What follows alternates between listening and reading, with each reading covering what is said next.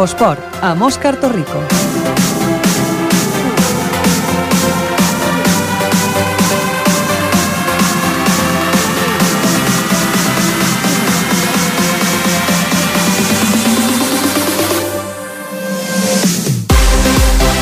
Molt bona tarda, benvinguts un dilluns més al programa dels esports de Ripollet, aquí a l'Infoesport, on, on us expliquem cada dilluns el repàs del que ha donat de si la jornada esportiva del cap de setmana. Un dilluns que tornem amb la ressaca de les últimes dues setmanes en què us hem explicat els ascensos del futbol sala Ripollet i del Club Handbol Ripollet i també doncs, la competició per ascendir del tenis taula Ripollet. Aquesta setmana tot una miqueta més tranquil, però eh, repassarem diversos resultats. Eh, sobretot, aquesta setmana ens endinsarem una mica en el futbol, que les últimes setmanes l'hem tingut una mica oblidadet. Començarem ja, com sempre, amb el repàs dels marcadors una setmana més. El marcador. Una setmana més, volia dir, i ho farem amb el nostre company, el Brian Calvo. Brian, bona tarda. Bona tarda, Òscar. Comencem pel futbol. A la segona catalana, el club de futbol Ripollet que guanya 3 a 2 al Singerlin. El Ripollet va sumar la victòria a l'últim partit de la temporada al municipal. Marc i Diego van marcar en el primer quart d'hora, però els de Santa Coloma van igualar el maig i només un gol de Néstor a 10 minuts del final va poder certificar el triomf ripolletenc. El balanç a casa de l'equip ha estat de 9 victòries, 3 empats i 5 derrotes. L'equip es jugarà aquest diumenge a acabar la Lliga en setena posició. A la tercera catalana, una categoria per sota, Penya Deportiva Pajaril 2, Candeu 2. Els vermells es van acomiadar del camp de l'Industrial aquesta temporada amb un punt molt treballat davant un rival que tampoc es jugava res. Sergio va avançar al Pajarín només a començar el partit, però els de Sabadell van donar la volta al marcador i un gol de penal al tram final del duel a càrrec d'Eros va permetre a l'equip de Javier Varela sumar l'empat. El Pajaril ha sumat 27 dels seus 44 punts al, al camp de l'Industrial, on només ha cedit 4 derrotes aquesta temporada. I un altre resultat també a la tercera catalana per tancar el futbol, l'Escola Futbol Base Ripollet 2, Bellavista Milan 5. L'equip de les franqueses, que ja té assegurada la plaça de promoció d'ascens, va passar com un vendaval pel camp de l'Industrial. En 10 minuts, els visitants ja havien marcat dos gols, que van posar a coll amunt el duel per als de Ripollet, que lluitaran en l'última jornada de Lliga d'aquest dissabte per intentar acabar a la quarta posició. El futbol sala descansava aquest cap de setmana dues jornades del final de la competició, per tant anem cap a l'handbol, on hem tingut una doble derrota de l'handbol Ripollet en les fases pel títol del campionat de tercera preferent. El club Handball Ripollet jugava l'eliminatòria prèvia per accedir a la final a 4 de la categoria. Ho feia contra el tercer equip de les Plugues i va perdre els dos partits. Dissabte va caure a domicili per 4 gols, per 39 a 35, en un duel molt igualat. En canvi, diumenge, a Ripollet, l'equip es va quedar enrere al marcador des de bon principi i va encaixar una derrota per 12 gols, 26 a 38. L'equip, per tant, no estarà a la final a 4 des després d'haver aconseguit l'ascens. I acabem amb el bàsquet, ja us comentàvem que aquesta setmana tenim pocs resultats, les competicions ja es van acabant. En bàsquet també clouen aquí les competicions perquè el Club Bàsquet Ripollet, el seu segon equip, tenia un doble partit eh, que ha disputat eh, les fases d'ascens i el duel es va decantar al seu favor. Els blaus es, van, es medien al Camparellada per dirimir qui dels dos tancava la classificació de les fases d'ascens i els ripolletens han evitat la darrera plaça del play-off. Dissabte es van imposar per només un punt a domicili, 66 a 67, i diumenge el Francesc Berneda van tornar a guanyar també de forma ajustada, per 66 a 62. L'equip haurà d'esperar les possibles renúncies per pujar de categoria, després d'haver protagonitzat una temporada molt bona. Doncs aquests han estat els marcadors d'aquest cap de setmana. Ara, a continuació, comencem a...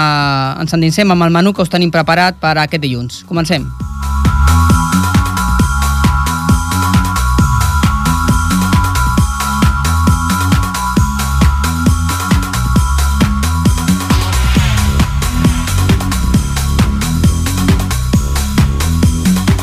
I ho fem pel futbol i com és habitual amb el nostre company el Jordi Soteras. Jordi, bona tarda. Hola, bona tarda, què tal? El repàs de la victòria del Club de Futbol Ripollet en el seu darrer partit de la temporada a casa. 3 a 2 va guanyar. Sí, 3 a 2 va guanyar, un partit molt, molt interessant, molt, molt bon partit. La veritat és que van fer un final de temporada al camp municipal fantàstic. Bé, sí, un partit que no deixa de ser de segona catalana i bueno, hi ha ritmes diferents. El partit, els part, uh, són partits que es fan, es juguen a ritmes diferents. Hi ha moments d'un ritme alt, uh -huh. hi ha moments que, que el partit decau una mica, com va ser a lo millor uh, els 20-25 minuts de, últims de la segona part. No? Uh -huh.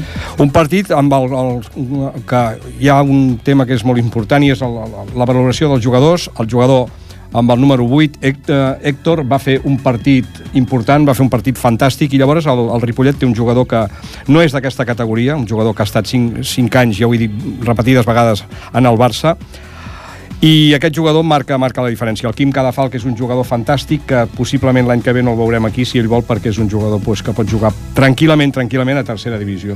Jo he vist jugadors i vist jugadors de, a segona B que no tenen la qualitat d'ells i estan jugant a, a, a, en aquests moments a algun equip de primera catalana i tercera divisió aquí. Mm, de fet, és un, un, van fer, hi han cinc gols en el, en el partit, cinc gols fantàstics, cinc gols que marquen que marquen Caballero, Quesada i Néstor, i els gols en realitat van ser força, força, força interessants. Aquests són els tres gols del Ripollet, el sí, sí. Marc Caballero, el Diego Quesada i el Néstor. Sí, sí, sí, sí, sí. sobretot algun d'ells, eh, amb, amb, sempre, sempre participant Quim a les jugades, uh mhm. -huh. molt bé anava també en, el, en les recepcions i en el 1 contra 1, i aquestes pilotes creuades de banda dreta a banda esquerra, d'esquerra a dreta per canviar l'orientació i, i, i gol, gols de cap, gols de, amb el peu... La veritat, la veritat és que va ser un partit molt ben jugat. Sí. Mm, com, com, ha, com estàs veient l'equip en aquest final de temporada? No, no ha baixat els braços tampoc, tot i que bueno, la intensitat no pot ser la mateixa, bueno, no? Pues, pues van, jugar, van jugar una bona intensitat i eh, l'equip contrari va, va empatar. Els haguessin pogut posar tranquil·lament 3 o 4 a 0. Mm -hmm. I en canvi l'equip contrari va lograr empatar sí, amb aquelles jugades de contra, l'equip contrari jugava contínuament a la, a la pilota llarga, mm -hmm. tenien un jugador número 11 que en realitat, si jo fos entrenador del Ripollet l'any que ve m'agradaria incorporar-lo, és d'aquells jugadors que quan els veus dius, hòstia, m'agradaria tenir-lo. Un extrem esquerre molt bo l'1 contra 1, amb les pilotes llargues que costa molt, les controlava sempre, i sempre sempre marxava. Aquest jugador va ser molt important en la consecució dels gols, sobretot del primer. Mm. I res, l'equip contrari, el Singerlin empata i el Ripollet torna a buscar una miqueta, apretar una miqueta l'accelerador i va poder aconseguir també d'una forma molt, molt bonica, en mm -hmm. la seva execució, el tercer gol del partit i el que li donava la victòria. Tot i que li ha costat molt a l'equip anar aconseguint gols aquesta temporada, no? Uh... Bé, sí, i, i, i en canvi l'altre dia potser perquè bueno, el rival pues, defensivament tampoc era gran cosa, en realitat va, el, el Ripollet sí que en atac va tenir, va tenir diverses oportunitats i sobretot va, va haver-hi una del Nava amb 2 a 0, un mm -hmm. contra un contra el porter, que no va tenir la fortuna de, de poder, de poder mm -hmm. marcar gol. Sí que volia dir també que el grup hinchada roig i negre no, no, no estava en el camp, mm -hmm. sí? no sé si perquè ells diu que demanen segons, és dir, alguna cosa que el club els hi dongui, mm -hmm. o potser sí que seria veritat de que algun d'ells, si no tots, són del Real Madrid i deurien anar a celebrar una mica de ressaca. Una mica la festa de la, de la dècima mm -hmm. que va guanyar el Madrid. Doncs... Això ens ho haurien d'aclarir ells, de totes maneres. Ja, els,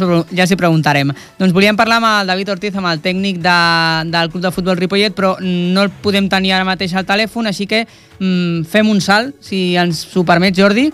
Ens anem sí, amb el Marc, que ens parlarà del partit del Pajaril, o no? Em sembla que, ja, que sí que el tenim uh, ho intentem un, un, una última vegada, a veure si, si podem continuar i així no, no fem aquest salt amb, amb el pajaril, que si no ens tornarem una mica boixos tots nosaltres. Jordi, uh, la temporada ja acaba la setmana vinent, Jordi? Sí, sí, la temporada acaba a les 12, comença el partit contra el Mataró, al camp del Mataró, i bueno, de fet han fet una temporada correcta. O sigui, que els hi vols demanar a jugadors que cobren 60-100 euros? Hòstia, és que anem a veure, això compta molt, no?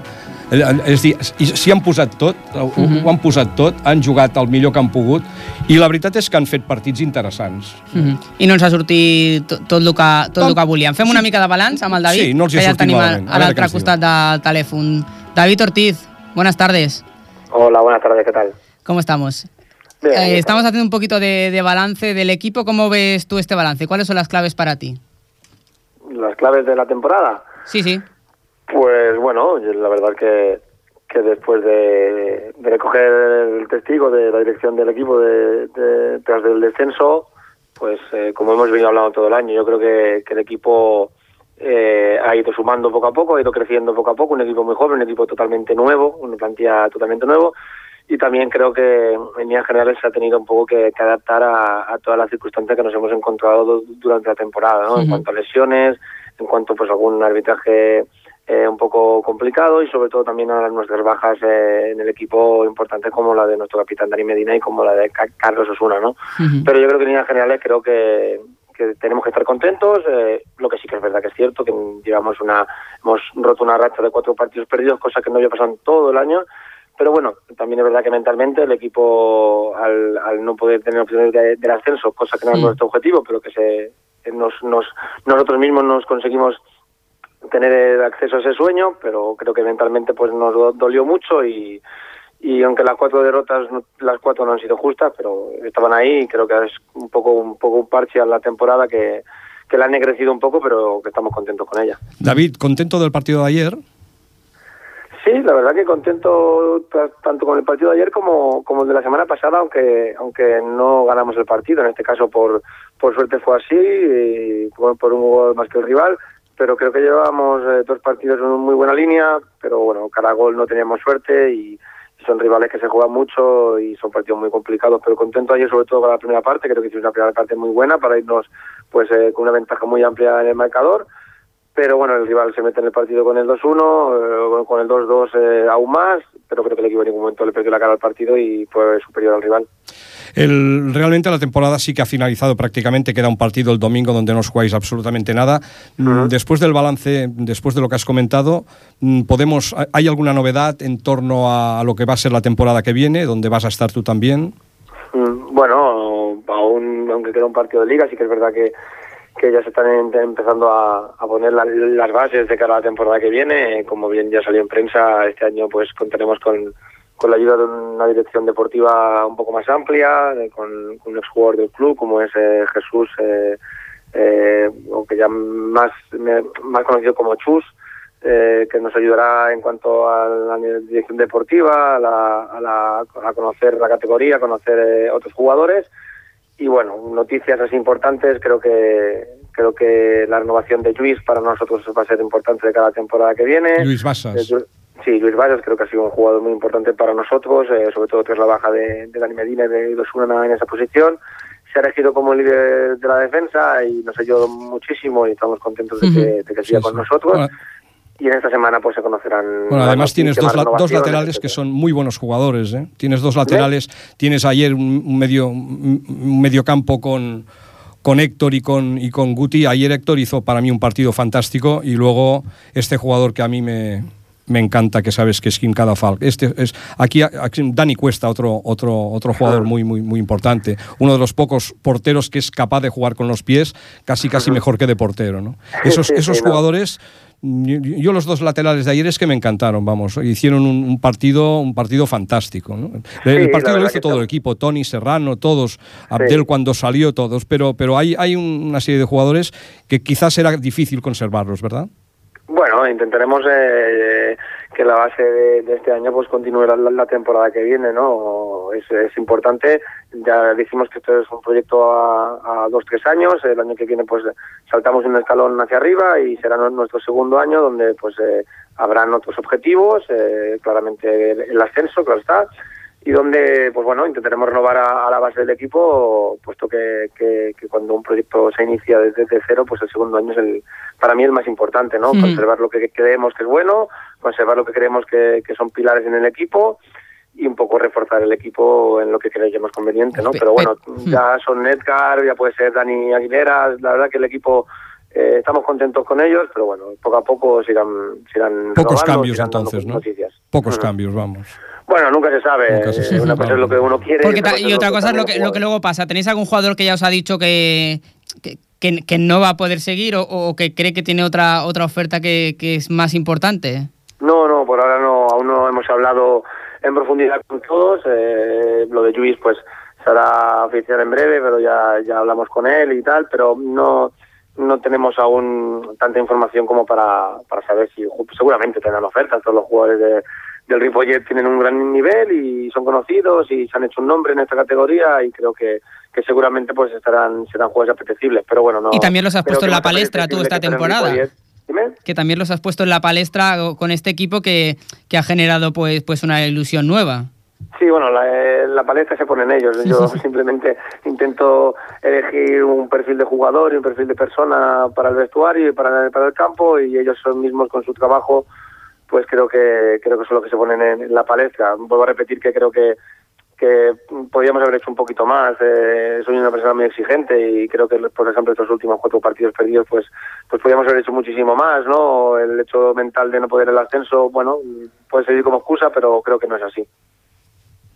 Bueno, de hecho, de hecho sí que es verdad. De hecho, el jugador, el jugador mismo tiene que funcionar bien por él mismo, porque mm, de hecho el Ripollet no deja de ser una plataforma para, para subir arriba, ¿no? Está la historia reciente y menos reciente está llena de jugadores que han triunfado por ahí, ¿no? Sí, pero por eso, para, para poder triunfar uno en el fútbol como individual, hay que triunfar como grupo, ¿no? Y, y creo que el Ripollet es un club muy histórico, un club con más de 90 años, un club que le ofrece todo al jugador y que creo que el jugador hasta hasta que acabe la, la temporada tiene que dar el máximo, primero por el grupo, segundo por el club y, tercero Sí, a sí. nivel individual, pues si, si le van las cosas bien a él, quiere decir que, la- que- que eso le ha ido bien al club. Lo que pasa, David, es que es un club que no deja de ser muy, muy, muy modesto. ¿eh? Es un club Sí. enormemente modesto, porque hay clubs parecidos, digamos. Yo creo que es un club, el Ripollet, que no ha, no ha aprovechado los momentos buenos, ¿no? Los momentos en, en los cuales el Sardañola estaba en, en- en primera regional y ellos estaban en preferente cuando había esta categoría total hace Sí, dos pero días. creo, Jordi, y en estos creo- momentos, no sé, no, ¿eh? estaba en primera catalana cuando se creó y el Sardañola iba por debajo y en cambio le ha pasado la mano. Por, es un club, para mí es un club de una modestia tremenda, ¿no? O sea... Sí, pero creo, creo que nosotros tenemos que, que mirarnos a nosotros mismos, ¿no? Creo que en 90 años el Ripollete eh, suma muchas más eh, temporadas en, en estas categorías, en primera catalana. Eh, sí que es verdad que el Sardañola lleva unos años muy buenos y que, está en tercera pero creo que eh, cometeríamos un error si, no, si mirásemos a los demás y nos comparásemos con nadie, ¿no? Nosotros somos el Ripollet, somos un equipo, como tú dices, humilde, pero muy trabajador y que algo tenemos que tener cuando todos los jugadores quieren venir y, y- y pocos jugadores una vez aquí eh, quieren marchar, todo el mundo está muy a gusto aquí, se les cuida muy bien, se les trata como una familia y eso también creo que, es Sí, importante. sí, la verdad, la verdad es que es así. Y además no es no por una cuestión de dinero, porque seguramente fuera ganarán muchísimo más, ¿no? Exacto, exacto. Sí, sí, no, no, sí. la verdad que, que, que ningún jugador se puede quejar de, del comportamiento de los directivos y de todo el club, incluso de los aficionados, nos han ayudado hasta el final, han, venido a ayudarnos hasta el final.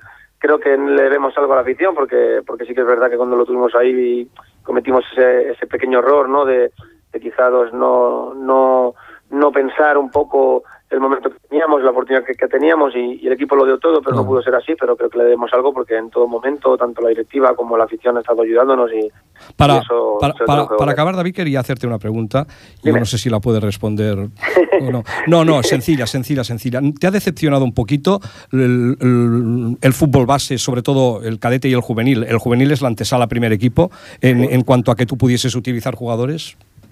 Mm, Yo te respondería, ¿eh? pero tienes que responderla tú, claro. Bueno, Claro, que responderla a él. Venga. Evidentemente. Está claro. Bueno, yo no, no- yo estoy contento con, con el trato de... O sea, tienes juveniles que podrían subir perfectamente al primer equipo, vamos. Bueno, este es complicado, la verdad que es complicado. Piensa que, que incluso nosotros tenemos jugadores que vienen de, de jugar en Nacional y, y cuesta la adaptación, pues imagínate de, de segunda división, ¿no? Pero bueno, igual que el equipo tiene un proyecto a corto o largo plazo, el fútbol base también empezó un proyecto la temporada pasada, que sé que poco a poco va funcionando y que sé que poco a poco va hacia, hacia arriba. Incluso así creo que en el juvenil ha habido jugadores muy interesantes, jugadores que han entrenado todo el año con nosotros, como, como el caso de Enrique, ahora lesionado, que, que desde aquí le, le, le mando un apoyo porque tiene una lesión importante de rodilla, jugadores que han debutado, incluso siendo desde el primer año y nos han ayudado mucho. Y bueno, yo estoy contento, yo estoy contento por, por, por, por esa eh, digamos traslación de jugadores del juvenil al primer equipo cuando ha tenido que ser así, pero claro está, como tú sabes, eh, cuanta más categoría tenga juvenil, pues más importante es para el primer equipo, más fácil es la, la adaptación, pero bueno, las cosas no se consiguen en un No, año, no, eh, claro, las cosas está claro, tardan en conseguirse y creo y, y estoy seguro de que en pocos años eh, la base del primer equipo será del, del juvenil, del cadete y el equipo, el club en sí está trabajando muy bien para ello. Hmm, Yo también tengo una última pregunta. Eso que dices que le debéis a la afición, ¿se le debe la temporada que viene? O sea, la temporada que viene el objetivo es, eh, es estar ahí e intentar subir. ¿El No, no, yo objetivo soy de muy base? franco, ya me conocéis, soy muy franco y no me escondo. Igual que la temporada pasada teníamos nuestros objetivos, la temporada que viene el objetivo del Ripollet es jugar en primera catalana, está claro. Es estar, ser, ser un equipo que, que luche por estar allí que, y que lo dé todo para, para, para conseguir ese ascenso soñado, porque creo que se lo merece, ¿no? Dentro de- del proyecto, creo que en este segundo año nos tenemos que que, que autoexigir, tanto nosotros como los jugadores, todo jugador que venga aquí, todo jugador que esté en la plantilla sabrá desde el primer momento que el Ripollet tiene que estar en las posiciones eh, delanteras y tiene que estar eh, para subir a de categoría porque creemos que ese es el objetivo que tenemos que tener. Pues ahí deja el listón el mister para la temporada que viene. Muchas gracias David y Muchísimas gracias gracias. también por, por haber ilusionado de nuevo a la afición. A ver si la temporada que viene la afición pues también puede seguir ahí ilusionada y seguir soñando. Lo, lo- lo intentaremos y le damos las gracias desde aquí a toda la afición. Gracias David, buenas tardes. Un abrazo, gracias. Venga. Buenas tardes. Infosport. Co com us dèiem, continuem amb futbol. Eh, abans anàvem a fer el salt i ens hem aturat just en el moment correcte. Us anàvem a parlar del pajaril, ho anava a fer el nostre company, el Marc Matamar. Bona tarda. Dissabte a la tarda, la penya deportiva Pajaril es va enfrontar a Caçà contra el Candeu amb un marcador per dos gols a dos en el penúltim partit de Lliga. Va ser un maig amb poca afició i amb molta tensió per part d'ambdós equips per, per voler guanyar el partit. El partit va estar dominat per l'equip ripollatenc, ja que en els 6 minuts del començament, Sergio Vázquez va marcar el primer gol ripollatenc. Des d'aquell moment, el Candeu va, va començar a pressionar, però no va aconseguir marcar cap gol en tota la primera part. La primera part va acabar amb un marcador per un gol a 0 a favor de l'equip ripollatenc. A la segona part vam veure un pajaril que no baixava el nivell i un Candeu que va pressionar més. Tres minuts del començament de la segona part, el Candeu va marcar el primer gol visitant. Des de l'empat va, haver un, va haver més tensió tant al camp com a la grada i en el minut 77 el Candeu va marcar el seu segon gol. Set minuts més tard, l'Eros Blanco va marcar el segon gol del Pajaril i últim del partit en un penal xiulat a favor de l'equip ripollatenc. Al final del partit vam poder parlar amb Javier Varela, entrenador de la penya deportiva Pajaril, que ens va valorar el partit i la temporada. Habéis jugado contra el Candedeu, con el que os lleváis nueve puntos de diferencia. ¿Cómo lo habéis visto? Porque habéis empezado ganando vosotros, pero luego mucha tensión durante todo el partido. Bueno, eh, yo creo que la- todo el juego lo hemos tenido nosotros y sobre todo la primera parte. Lo que pasa que hasta la altura de la temporada ya el equipo ya está cansado, ya está un poco mermado también, falta de jugadores, lesiones, etcétera. Y, creo que bueno, a pesar del cansancio físico que era, era importante hoy, se ha jugado bien, se ha jugado bastante bien, hemos conseguido empatar un partido que se nos ha puesto cuesta arriba cuando teníamos controlado, pero bueno, por lo de siempre todo el año nos ha pasado igual, hemos, hemos tenido ocasiones de ganar muchos más puntos, pero por errores puntuales pues nos pasan estos goles. pero bueno, bien, bien contento. ¿Qué balance nos puedes hacer de, de la temporada? Bueno, el balance es bueno. Balance es bueno, hay que contar que es un equipo recién ascendido. Es un equipo que asciende de cuarta catalana, eh, consigue 44 puntos tenemos ahora mismo, a falta de una jornada, y a pesar de todos los problemas que hemos tenido de lesiones, sanciones durante el año y además importantes para nosotros, pues creo que hemos sacado puntos suficientes como para poder decir que ha sido una buena temporada. La penya deportiva Pajaril va dècima amb 44 punts, amb 12 partits guanyats, 8 perduts i 13, i 13 empatats en 33 jornades. La setmana vinent juga l'últim partit de Lliga i s'enfronta al Sabadellenca, un equip que va últim a la classificació i amb el que es porta 28 punts de diferència. Doncs aquesta jornada tancarà la Lliga pel Pajaril, que com deia el Javier Varela, doncs, ha fet una molt meritòria temporada, durant unes jornades doncs, va estar patint pa, pa, pel descens, però l'equip es va, a- a- es va començar a mirar cap amunt, va començar a sortir les coses que no li anaven sortint bé i l'equip doncs, acaba la temporada molt tranquil i per ser la primera temporada doncs, és un molt bon balanç. Doncs moltes gràcies, Marc. De res. Febre d'esport. En aquesta secció Febre d'Esport habitualment us parlem de l'esport de base, avui també ho farem amb el nostre company el Ferran Rigat. Ferran, bona tarda. Bona tarda, Òscar. Que ens porta algunes informacions del que us dèiem, dels joves esportistes de Ripollet.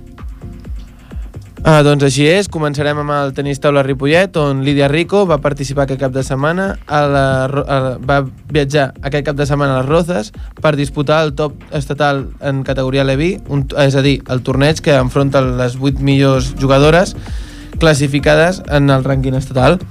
Uh, Lídia va jugar en un total de 7 partits, dels quals només en va perdre la final contra la campiona Carmen Henares del TMB Linares amb un resultat de 2 a, 4 a 3. Aquest sotscampionat ele- l'eleva en, el segon, en la segona posició del rànquing. L'altre representant ripolletenca va ser Mireia Parató, que debutava en aquest torneig i només va poder guanyar un partit que l'eleva a la setena posició en el rànquing final.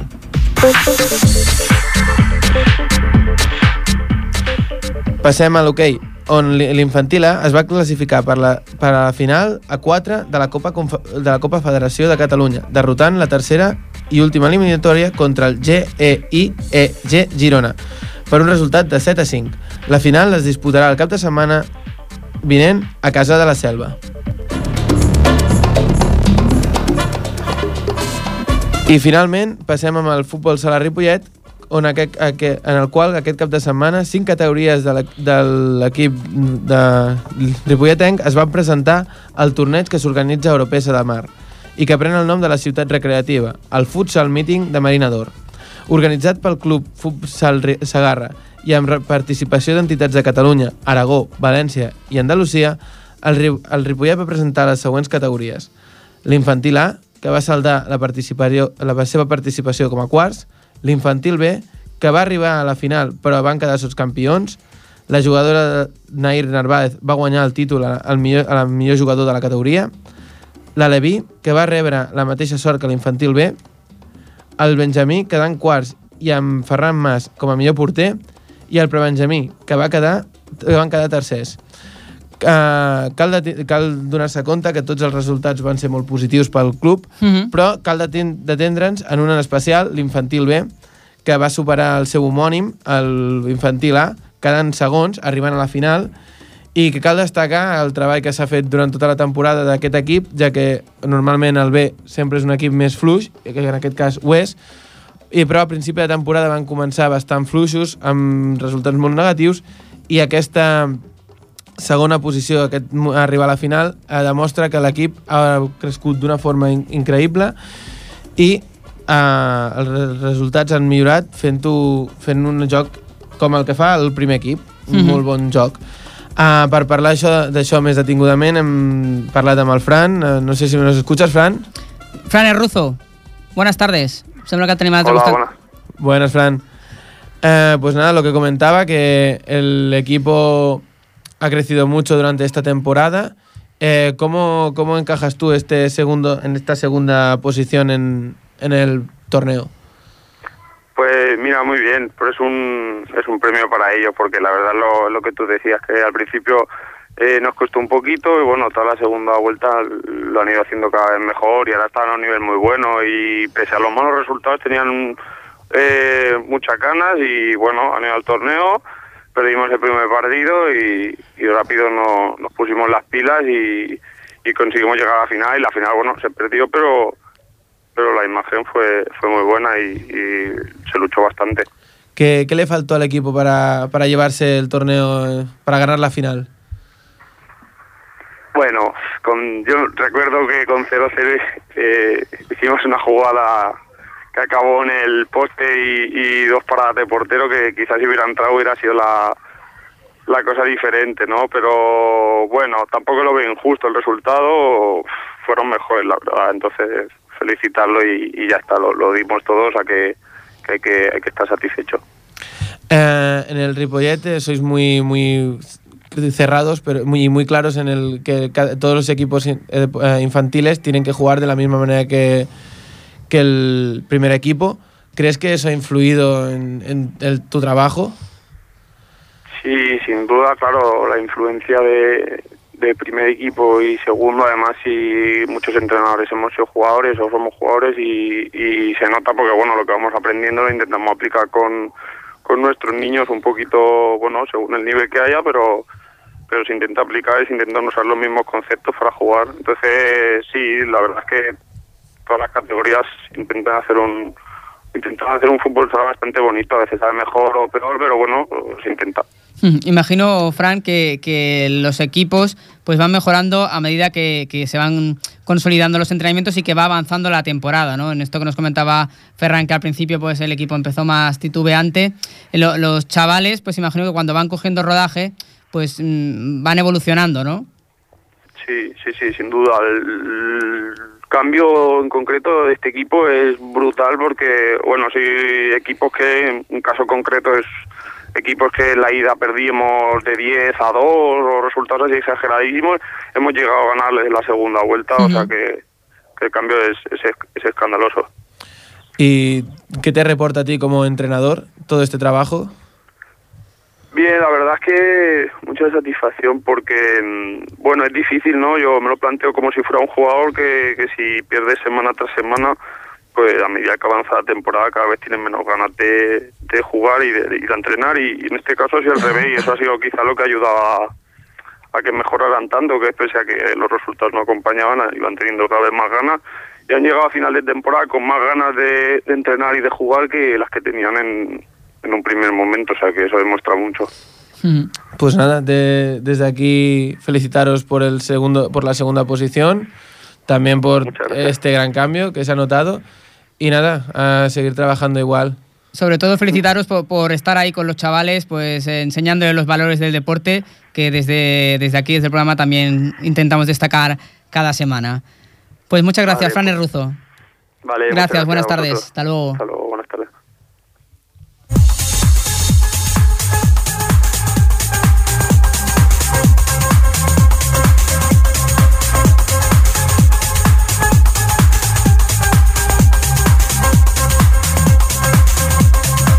L'entrevista.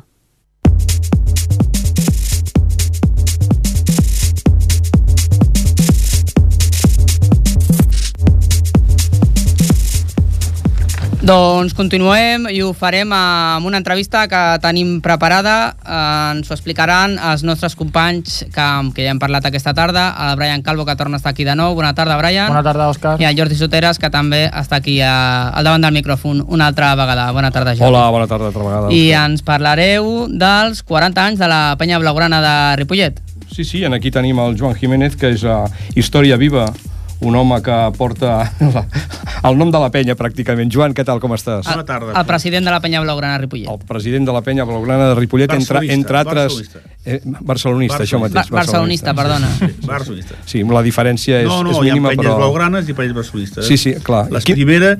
Mira, és curiós, parlant d'aquest tema, les primeres aquestes l'any 74 totes eren barcelonistes. Després va haver un canvi posterior que van ser totes blaugranes. I ara ja pot ser barcelonista o blaugrana.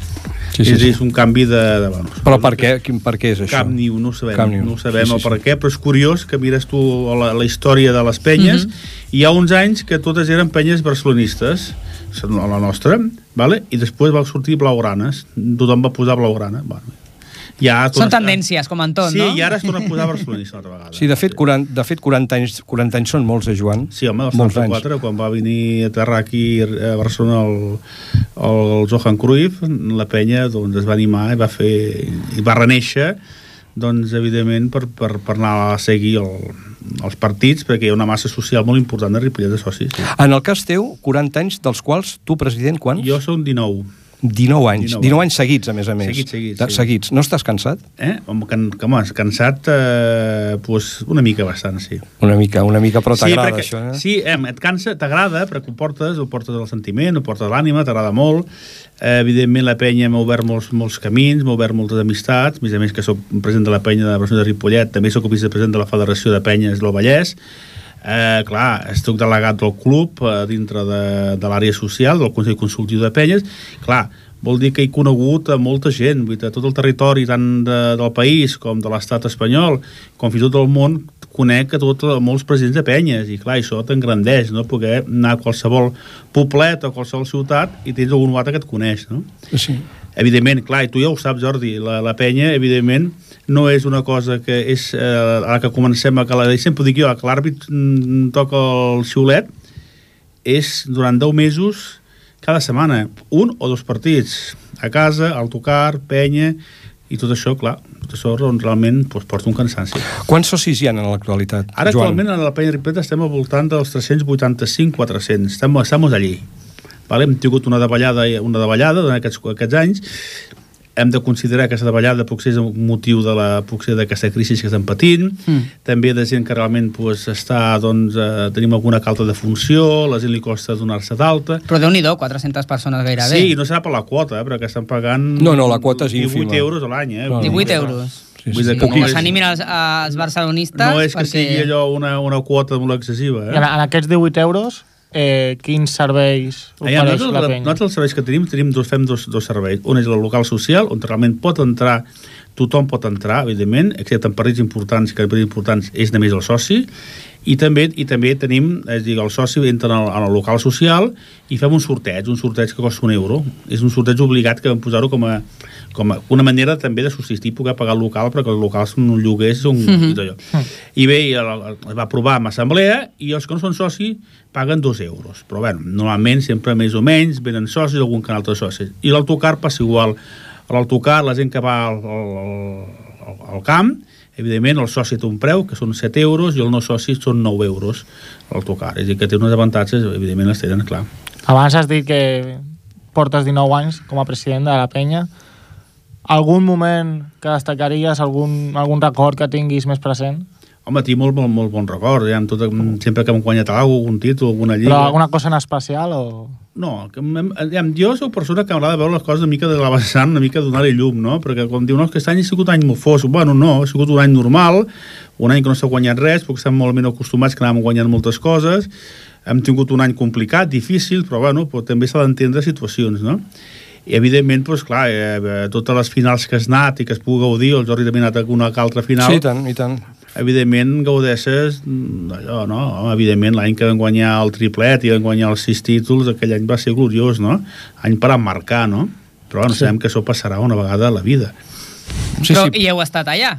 Mira, I hem tingut estat la allà, sort. i hem estat allà amb tot, amb, amb, vam estar amb tres... Eh, vam estar, aquell any vam- jo vaig venir, me'n recordo que vaig venir de, de, de València amb el Bilbao, vam celebrar el 35è aniversari de la penya amb una rossada també, i cap de 15 dies... Ah, no, el, dissabte abans vam guanyar la Lliga i cap de 15 dies guanyàvem la Champions de Roma, vull dir que a partir d'aquí... Doncs, De totes maneres, Joan, jo volia destacar aquest any, que és el final de cicle i tota aquesta història, has de tenir en compte el Barça perd la final de Copa contra el Madrid, a l'últim segon, a l'últim minut fa un penal, fa un pal, Són Neymar, detalls, que no, són- són, de, són, són detalls. detalls. Jo dir, penso que han sigut amb un, detalls. equip, amb un equip nou, com té el Madrid, un equip de jugadors joves, el Barça doncs, els, té, els té més vells, i alguns d'ells ja no hi són, han perdut a Touré, a Keita, no sé, a Henry, a Eto, jugadors molt importants, i el Madrid els ha incorporat. sí, però que fa molt dir, temps que no hi són, eh, Jordi? Sí, sí, sí, sí, bueno, bueno, bueno, bueno no, no, no, no, Fotis, no, eh? no, però és igual, final de segle, final de ciclo, que diuen, amb un, amb un Barça que pot empatar la final al Madrid i llavors a veure què passa, sí? Sí, però tenen en compte que aquest... Tenen en compte, amb una Jordi, Champions que es perd, es perd per un gol, és que al final tu a vegades, moltes vegades m'ho dius. És a dir, un partit són detalls. Són detalls, el que tu dius. Però el, si dia tu queda- el dia del València, aquell pal del Neymar va dintre, mm, mm, Clar, o toca lliure cantar-lo, perquè nosaltres estàvem, érem tots delanters i ells eren tots defenses. Què podia passar? Imprevisible. L'altre dia, doncs, bueno, jo sóc el que penso que el Barcelona, per desgràcia, doncs, ha arribat amb la pólvora molt mullada. sí, sí, està Tan clar. mullada, tan mullada, que al final... Bueno, Sí, sí, però passat- mull, tot i mullada, a 3 punts de l'Atlètic de Madrid i Que empatats que amb el que Madrid, que, podia- tenen un que equip molt jove. tranquil·lament No? podíem tindre un parell a la, a la, a la butxaca. Sí, Sí, sí. És, és, és això, no? I parlant de lo que era la penya, fa 15 dies es va celebrar un event important que va ser la paella que va reunir un munt de gent i un convidat important. Sí, bueno, aquest any hem fet, vam fer el 40, el 40 aniversari, perquè nosaltres tenim tendència sempre a fer cada 5 anys la mm. aniversari, i en altres penyes que ho fan any per any, nosaltres vam dir que no, que ho faríem cada 5 anys. I vam veure, vam 670 socis, també van venir... 670 no, persones? 170. Ah, dic, 170 persones van venir i van venir també altres convidats de, de penyes de, del Vallès, Sí, del Vallès, sí, sí. unes 25 Del Mollet. persones. Gairebé la meitat de socis.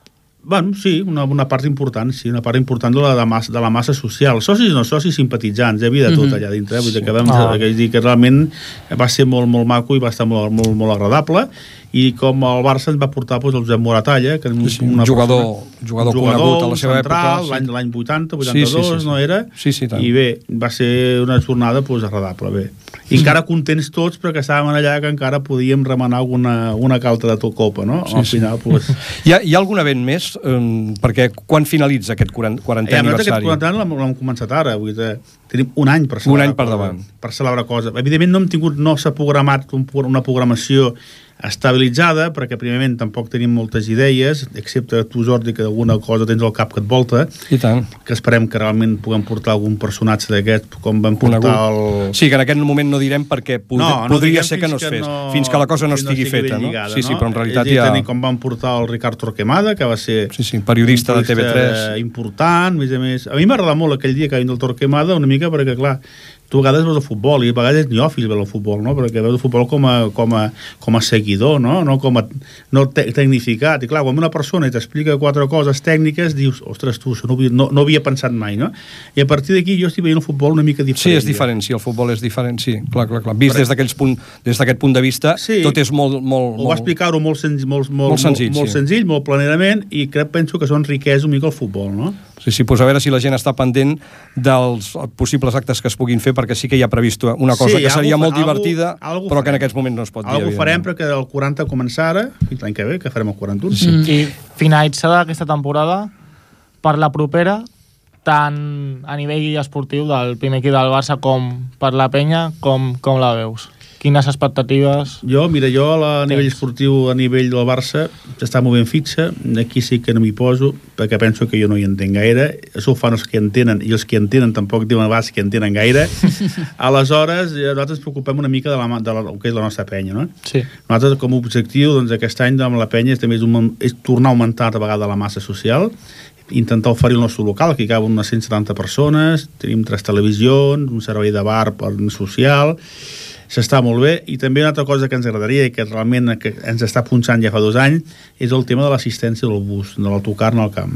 És a dir, fins, a, fa, fins fa uns anys enrere l'autocar anava molt bé, últimament, doncs no sabem si és les teles, si és les, els horaris, Mm. si són les que la gent ja està cansada de futbol... Si els horaris tampoc estan ajudant gaire, no? Gens, Aquesta, gens, les gens. dues últimes diràs, temporades. Te'n vas un mes de març, un mes de gener, a les 10 de la nit, a veure una final o una Copa del Rei, o un partit d'aquests que et posen amb, un, amb tots els respectes, eh? Amb un, amb un Elche a les 10 de la nit, ja em diràs, tu. Clar, evidentment la gent, clar, les teles avui en dia ho estan acomodant molt. Ho, No, és- ho monopolitzen tot. Eh. No, és que a més a més, a més a més, això del futbol ja no és el Barça, sinó en general, tu, si, si vols anar a veure, el- a veure un partit i tu dius, el diumenge que ve aniré a veure una obra de teatre o m'aniré a, a dinar por ahí. Resulta que 15 dies abans tu no saps si jugaran dissabte, Ara- ara sí, si jugaran Jordi. a les 9, a les 10, Ara, el diumenge, a les 8, aquest, a les 7... Aquest any, aquest any eh, s'ha treballat, perquè nosaltres dintre de la, de la Federació de Penyes estem també amb, amb AFEPE, que és Aficiones Unides, vale? Aficiones Unides és, també és una associació de tot, de tot l'estat espanyol, eh? que realment es, es, es depèn de la Lliga de Futbol Professional. I allà dintre nosaltres tenim un delegat, dintre de, la, de les Aficiones Unides. I sí que realment, com que depenem de la Lliga de Futbol Professional, hem apretat molt, molt i molt, he portat molts anys apretant, perquè realment doncs, els, la, la, la, les teles diguin amb, amb temps el, Mhm. El partit, perquè clar, perquè hi ha penyes que es puguin, que es puguin bellugar i es puguin moure. Escolta, hi ha una cosa, hi ha una, cosa aquest any que, que molta gent segur que no li ha fet ni cas. Aquest any les penyes tenen un carnet determinat que té Sí. algunes avantatges. Podries explicar quines sí, són? això és el carnet del penyista. Per primera vegada, eh, tots els, que- totes les penyes del món, Mhm. les 1.300 penyes que som, portem el mateix carnet tots. Eh, amb la peculiaritat que cada un porta el seu logotip de la penya, de, del DES i del nom i del soci, número de soci de la penya, però tots som el mateix carnet. I té unes avantatges de que realment, doncs, des de poder anar al ministadi a veure el, el partit de ministadi, a l'entrada, et donen una entrada per poder entrar, des de poder anar a veure el handball en partits que no siguin de, de categoria A, igual Mhm. que el bàsquet, vas amb una entrada, t'ho donen, i, i sempre que hi hagin llocs buits, Mhm. pots anar a veure amb això. I a la botiga hi ha algunes? A la botiga en principi no, perquè hi havia un descompte que era que a nivell de penyes, que es farà a nivell de la penya, i és un 20% de descompte. Mm. El que sí que és un 25% de descompte per poder visitar el Museu del Barça. Mm. És a dir, que, que la gent que, que es vulgui animar a sumar-se a la penya doncs tindrà moltes altres avantatges, Per a més, de, 18 euros, a més de viure els partits eh, tots conjuntament que això, fent aquesta pinya. coses tindrem, sí. Doncs moltes gràcies a Joan Jiménez, al president de la penya barcelonista de, De Ripollet, Ripollet. ara ho dic bé, per venir a explicar-nos i a seguir celebrant aquests 40 anys i uns altres 40 com a mínim. Com a mínim, més. Moltes gràcies, Vale, Joan. gràcies, gràcies, gràcies. Jordi, Brian. Vale, moltes gràcies. Infosport.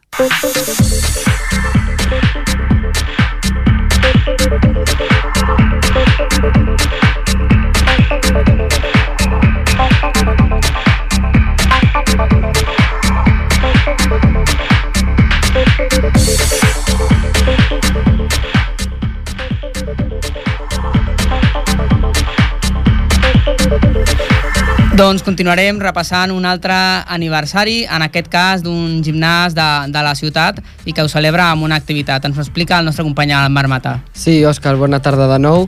El gimnàs Gali de Ripollet celebra el 25 aniversari del gimnàs amb els socis i amb tots els ripolletencs i ripolletenques.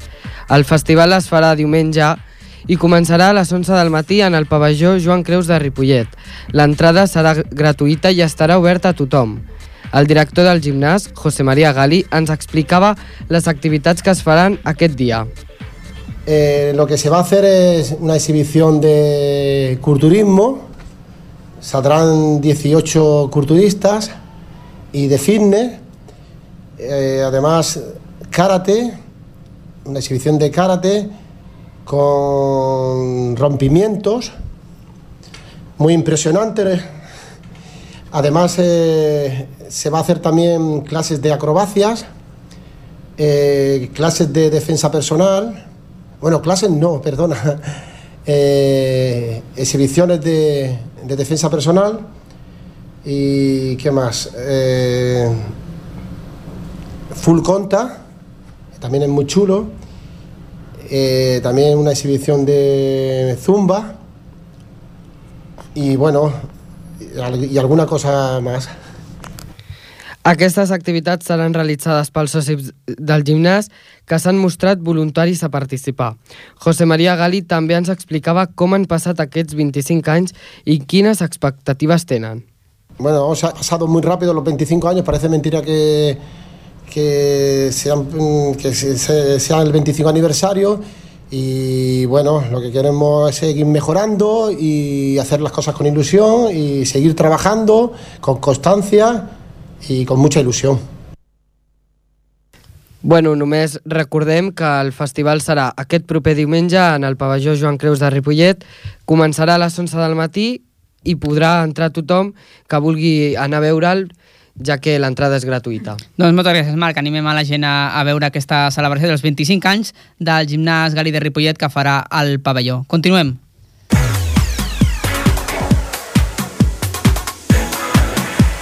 I tancarem avui el programa amb informació de bàsquet. Tenim a la nostra companya l'Ester Catalán. Ester, bona tarda. Bona tarda, Òscar. Amb una bona notícia. Doncs sí, el Club Bàsquet del Prat aconsegueix aquest dissabte 24 l'ascens a Deco Oro. El conjunt dirigit per Carles Duran supera el Palma Aire Europa a la final dels play-off, l'ascens a Deco Oro. Tenim al telèfon a Roger Vilanova, base i capità del Club Bàsquet del Prat. Bona tarda, Roger. Hola, què tal? Primer de tot, Roger, explica'ns una mica com funcionen aquestes fases d'ascens. Bé, eh, nosaltres vam quedar segons a la Lliga regular. El primer, eh, el primer classificat va pujar directament a, a, a la Deco Or mm. i la resta del segon al novè vam fer un playoff d'ascens. La primera eliminatòria a tres partits i les altres dues a cinc. Mm. I bé, nosaltres al final, aquesta final, doncs, hem guanyat els tres partits i res, ascens ascens directe. Sí. L'últim partit dels play-off el vau sentenciar amb una ajustada victòria de 63-67, només 4 punts de diferència. Com vau viure el partit? Bueno, el, va ser diferent als altres dos, perquè el, el primer sí que el vam guanyar més clarament, mm. el segon el vam treure just, eh, bueno, jugant a casa i, i la pressió d'aquest tipus de partits doncs el vam treure, i aquest tercer ja l'afrontàvem una mica diferent perquè tenia, era un match ball, no? Eh, nosaltres sabíem que guanyant ja ho teníem i ells als moments finals van aparèixer els nervis i vam saber jugar el partit i bé, bé poder-ho celebrar. Molt bé. Heu finalitzat la Lliga regular en segona posició i han dit a Deco Plata amb un balanç de 19 victòries i 8 derrotes. A més, us heu proclamat campions de la Copa a Deco Plata i subcampions de la 14a Lliga Nacional Catalana LEP. Amb aquest ascens, podríem parlar d'una temporada rodona? Sí, sí, sobretot històrica, no? perquè mm. el club eh, ha sigut la millor temporada, sens dubte, a la categoria màxima on, on havia jugat. Eh, vam aconseguir arribar a la final de la, de la Lliga Catalana l'EP, que jugàvem contra equips de categoria superior de l'EPOR. Mm. Eh, la Copa la vam aconseguir treure, ens vam classificar in extremis, la vam aconseguir treure al camp del Fuenlabrada, que era el primer, i després el, a l'ascens, que tot i que no era un objectiu, tal com vam arribar, doncs, doncs jo crec que pel club ha sigut un èxit increïble i, i, i res, sí, sí, una temporada històrica, no rodona perquè els jugadors creiem que a la Lliga regular podíem haver quedat primers i, i tenir l'ascens directe, però bueno, ha sigut rodona en quant a que el treball ha sigut increïble. I tu personalment com t'has vist al llarg de la temporada? Bé, era la meva quarta temporada, eh, ja coneixia molt la casa, la meva quarta temporada amb el Carles Duran, que era l'entrenador, mm. i bueno, jo ja sabia més o menys el que s'esperava de mi, no? Jo era, un, era el capità, era un dels jugadors amb més experiència i eh, no sé si ha sigut la meva millor temporada, però sí que he tingut el rol més important dins l'equip, no? I, i res, molt content i molt orgullós de, de, de ser el capità d'aquest equip que ha fet història. Mm -hmm. I ja heu fet un plantejament per la nova temporada? Bé, en, en bàsquet, amb la situació econòmica actual, és difícil de dir coses 100% segures, però la intenció del club, segons ens han comunicat, és, és confirmar l'ascens mm. i, i sortir a l'Eport l'any que ve. Mm -hmm. Doncs eh, moltes felicitats, eh, perquè la veritat és que és el ripolletenc il·lustre que tenim ara amb, amb el món del bàsquet, el Roger, que està donant la cara, ho està fent molt bé. La veritat és que l'evolució i com li estan anant la, les coses al Roger. Moltes felicitats, Roger, i que segueixis la propera temporada doncs, amb aquests èxits. Molt bé, moltes gràcies. Gràcies. Merci. Adeu. Doncs aquí acabem, ho deixem per avui, aquest últim dilluns del mes de maig. Tornarem el proper dilluns a partir de les 7 i 10 de la tarda. Recordeu que també ens podeu escoltar a ripolletradio.cat. Fins al proper dilluns. Bona setmana.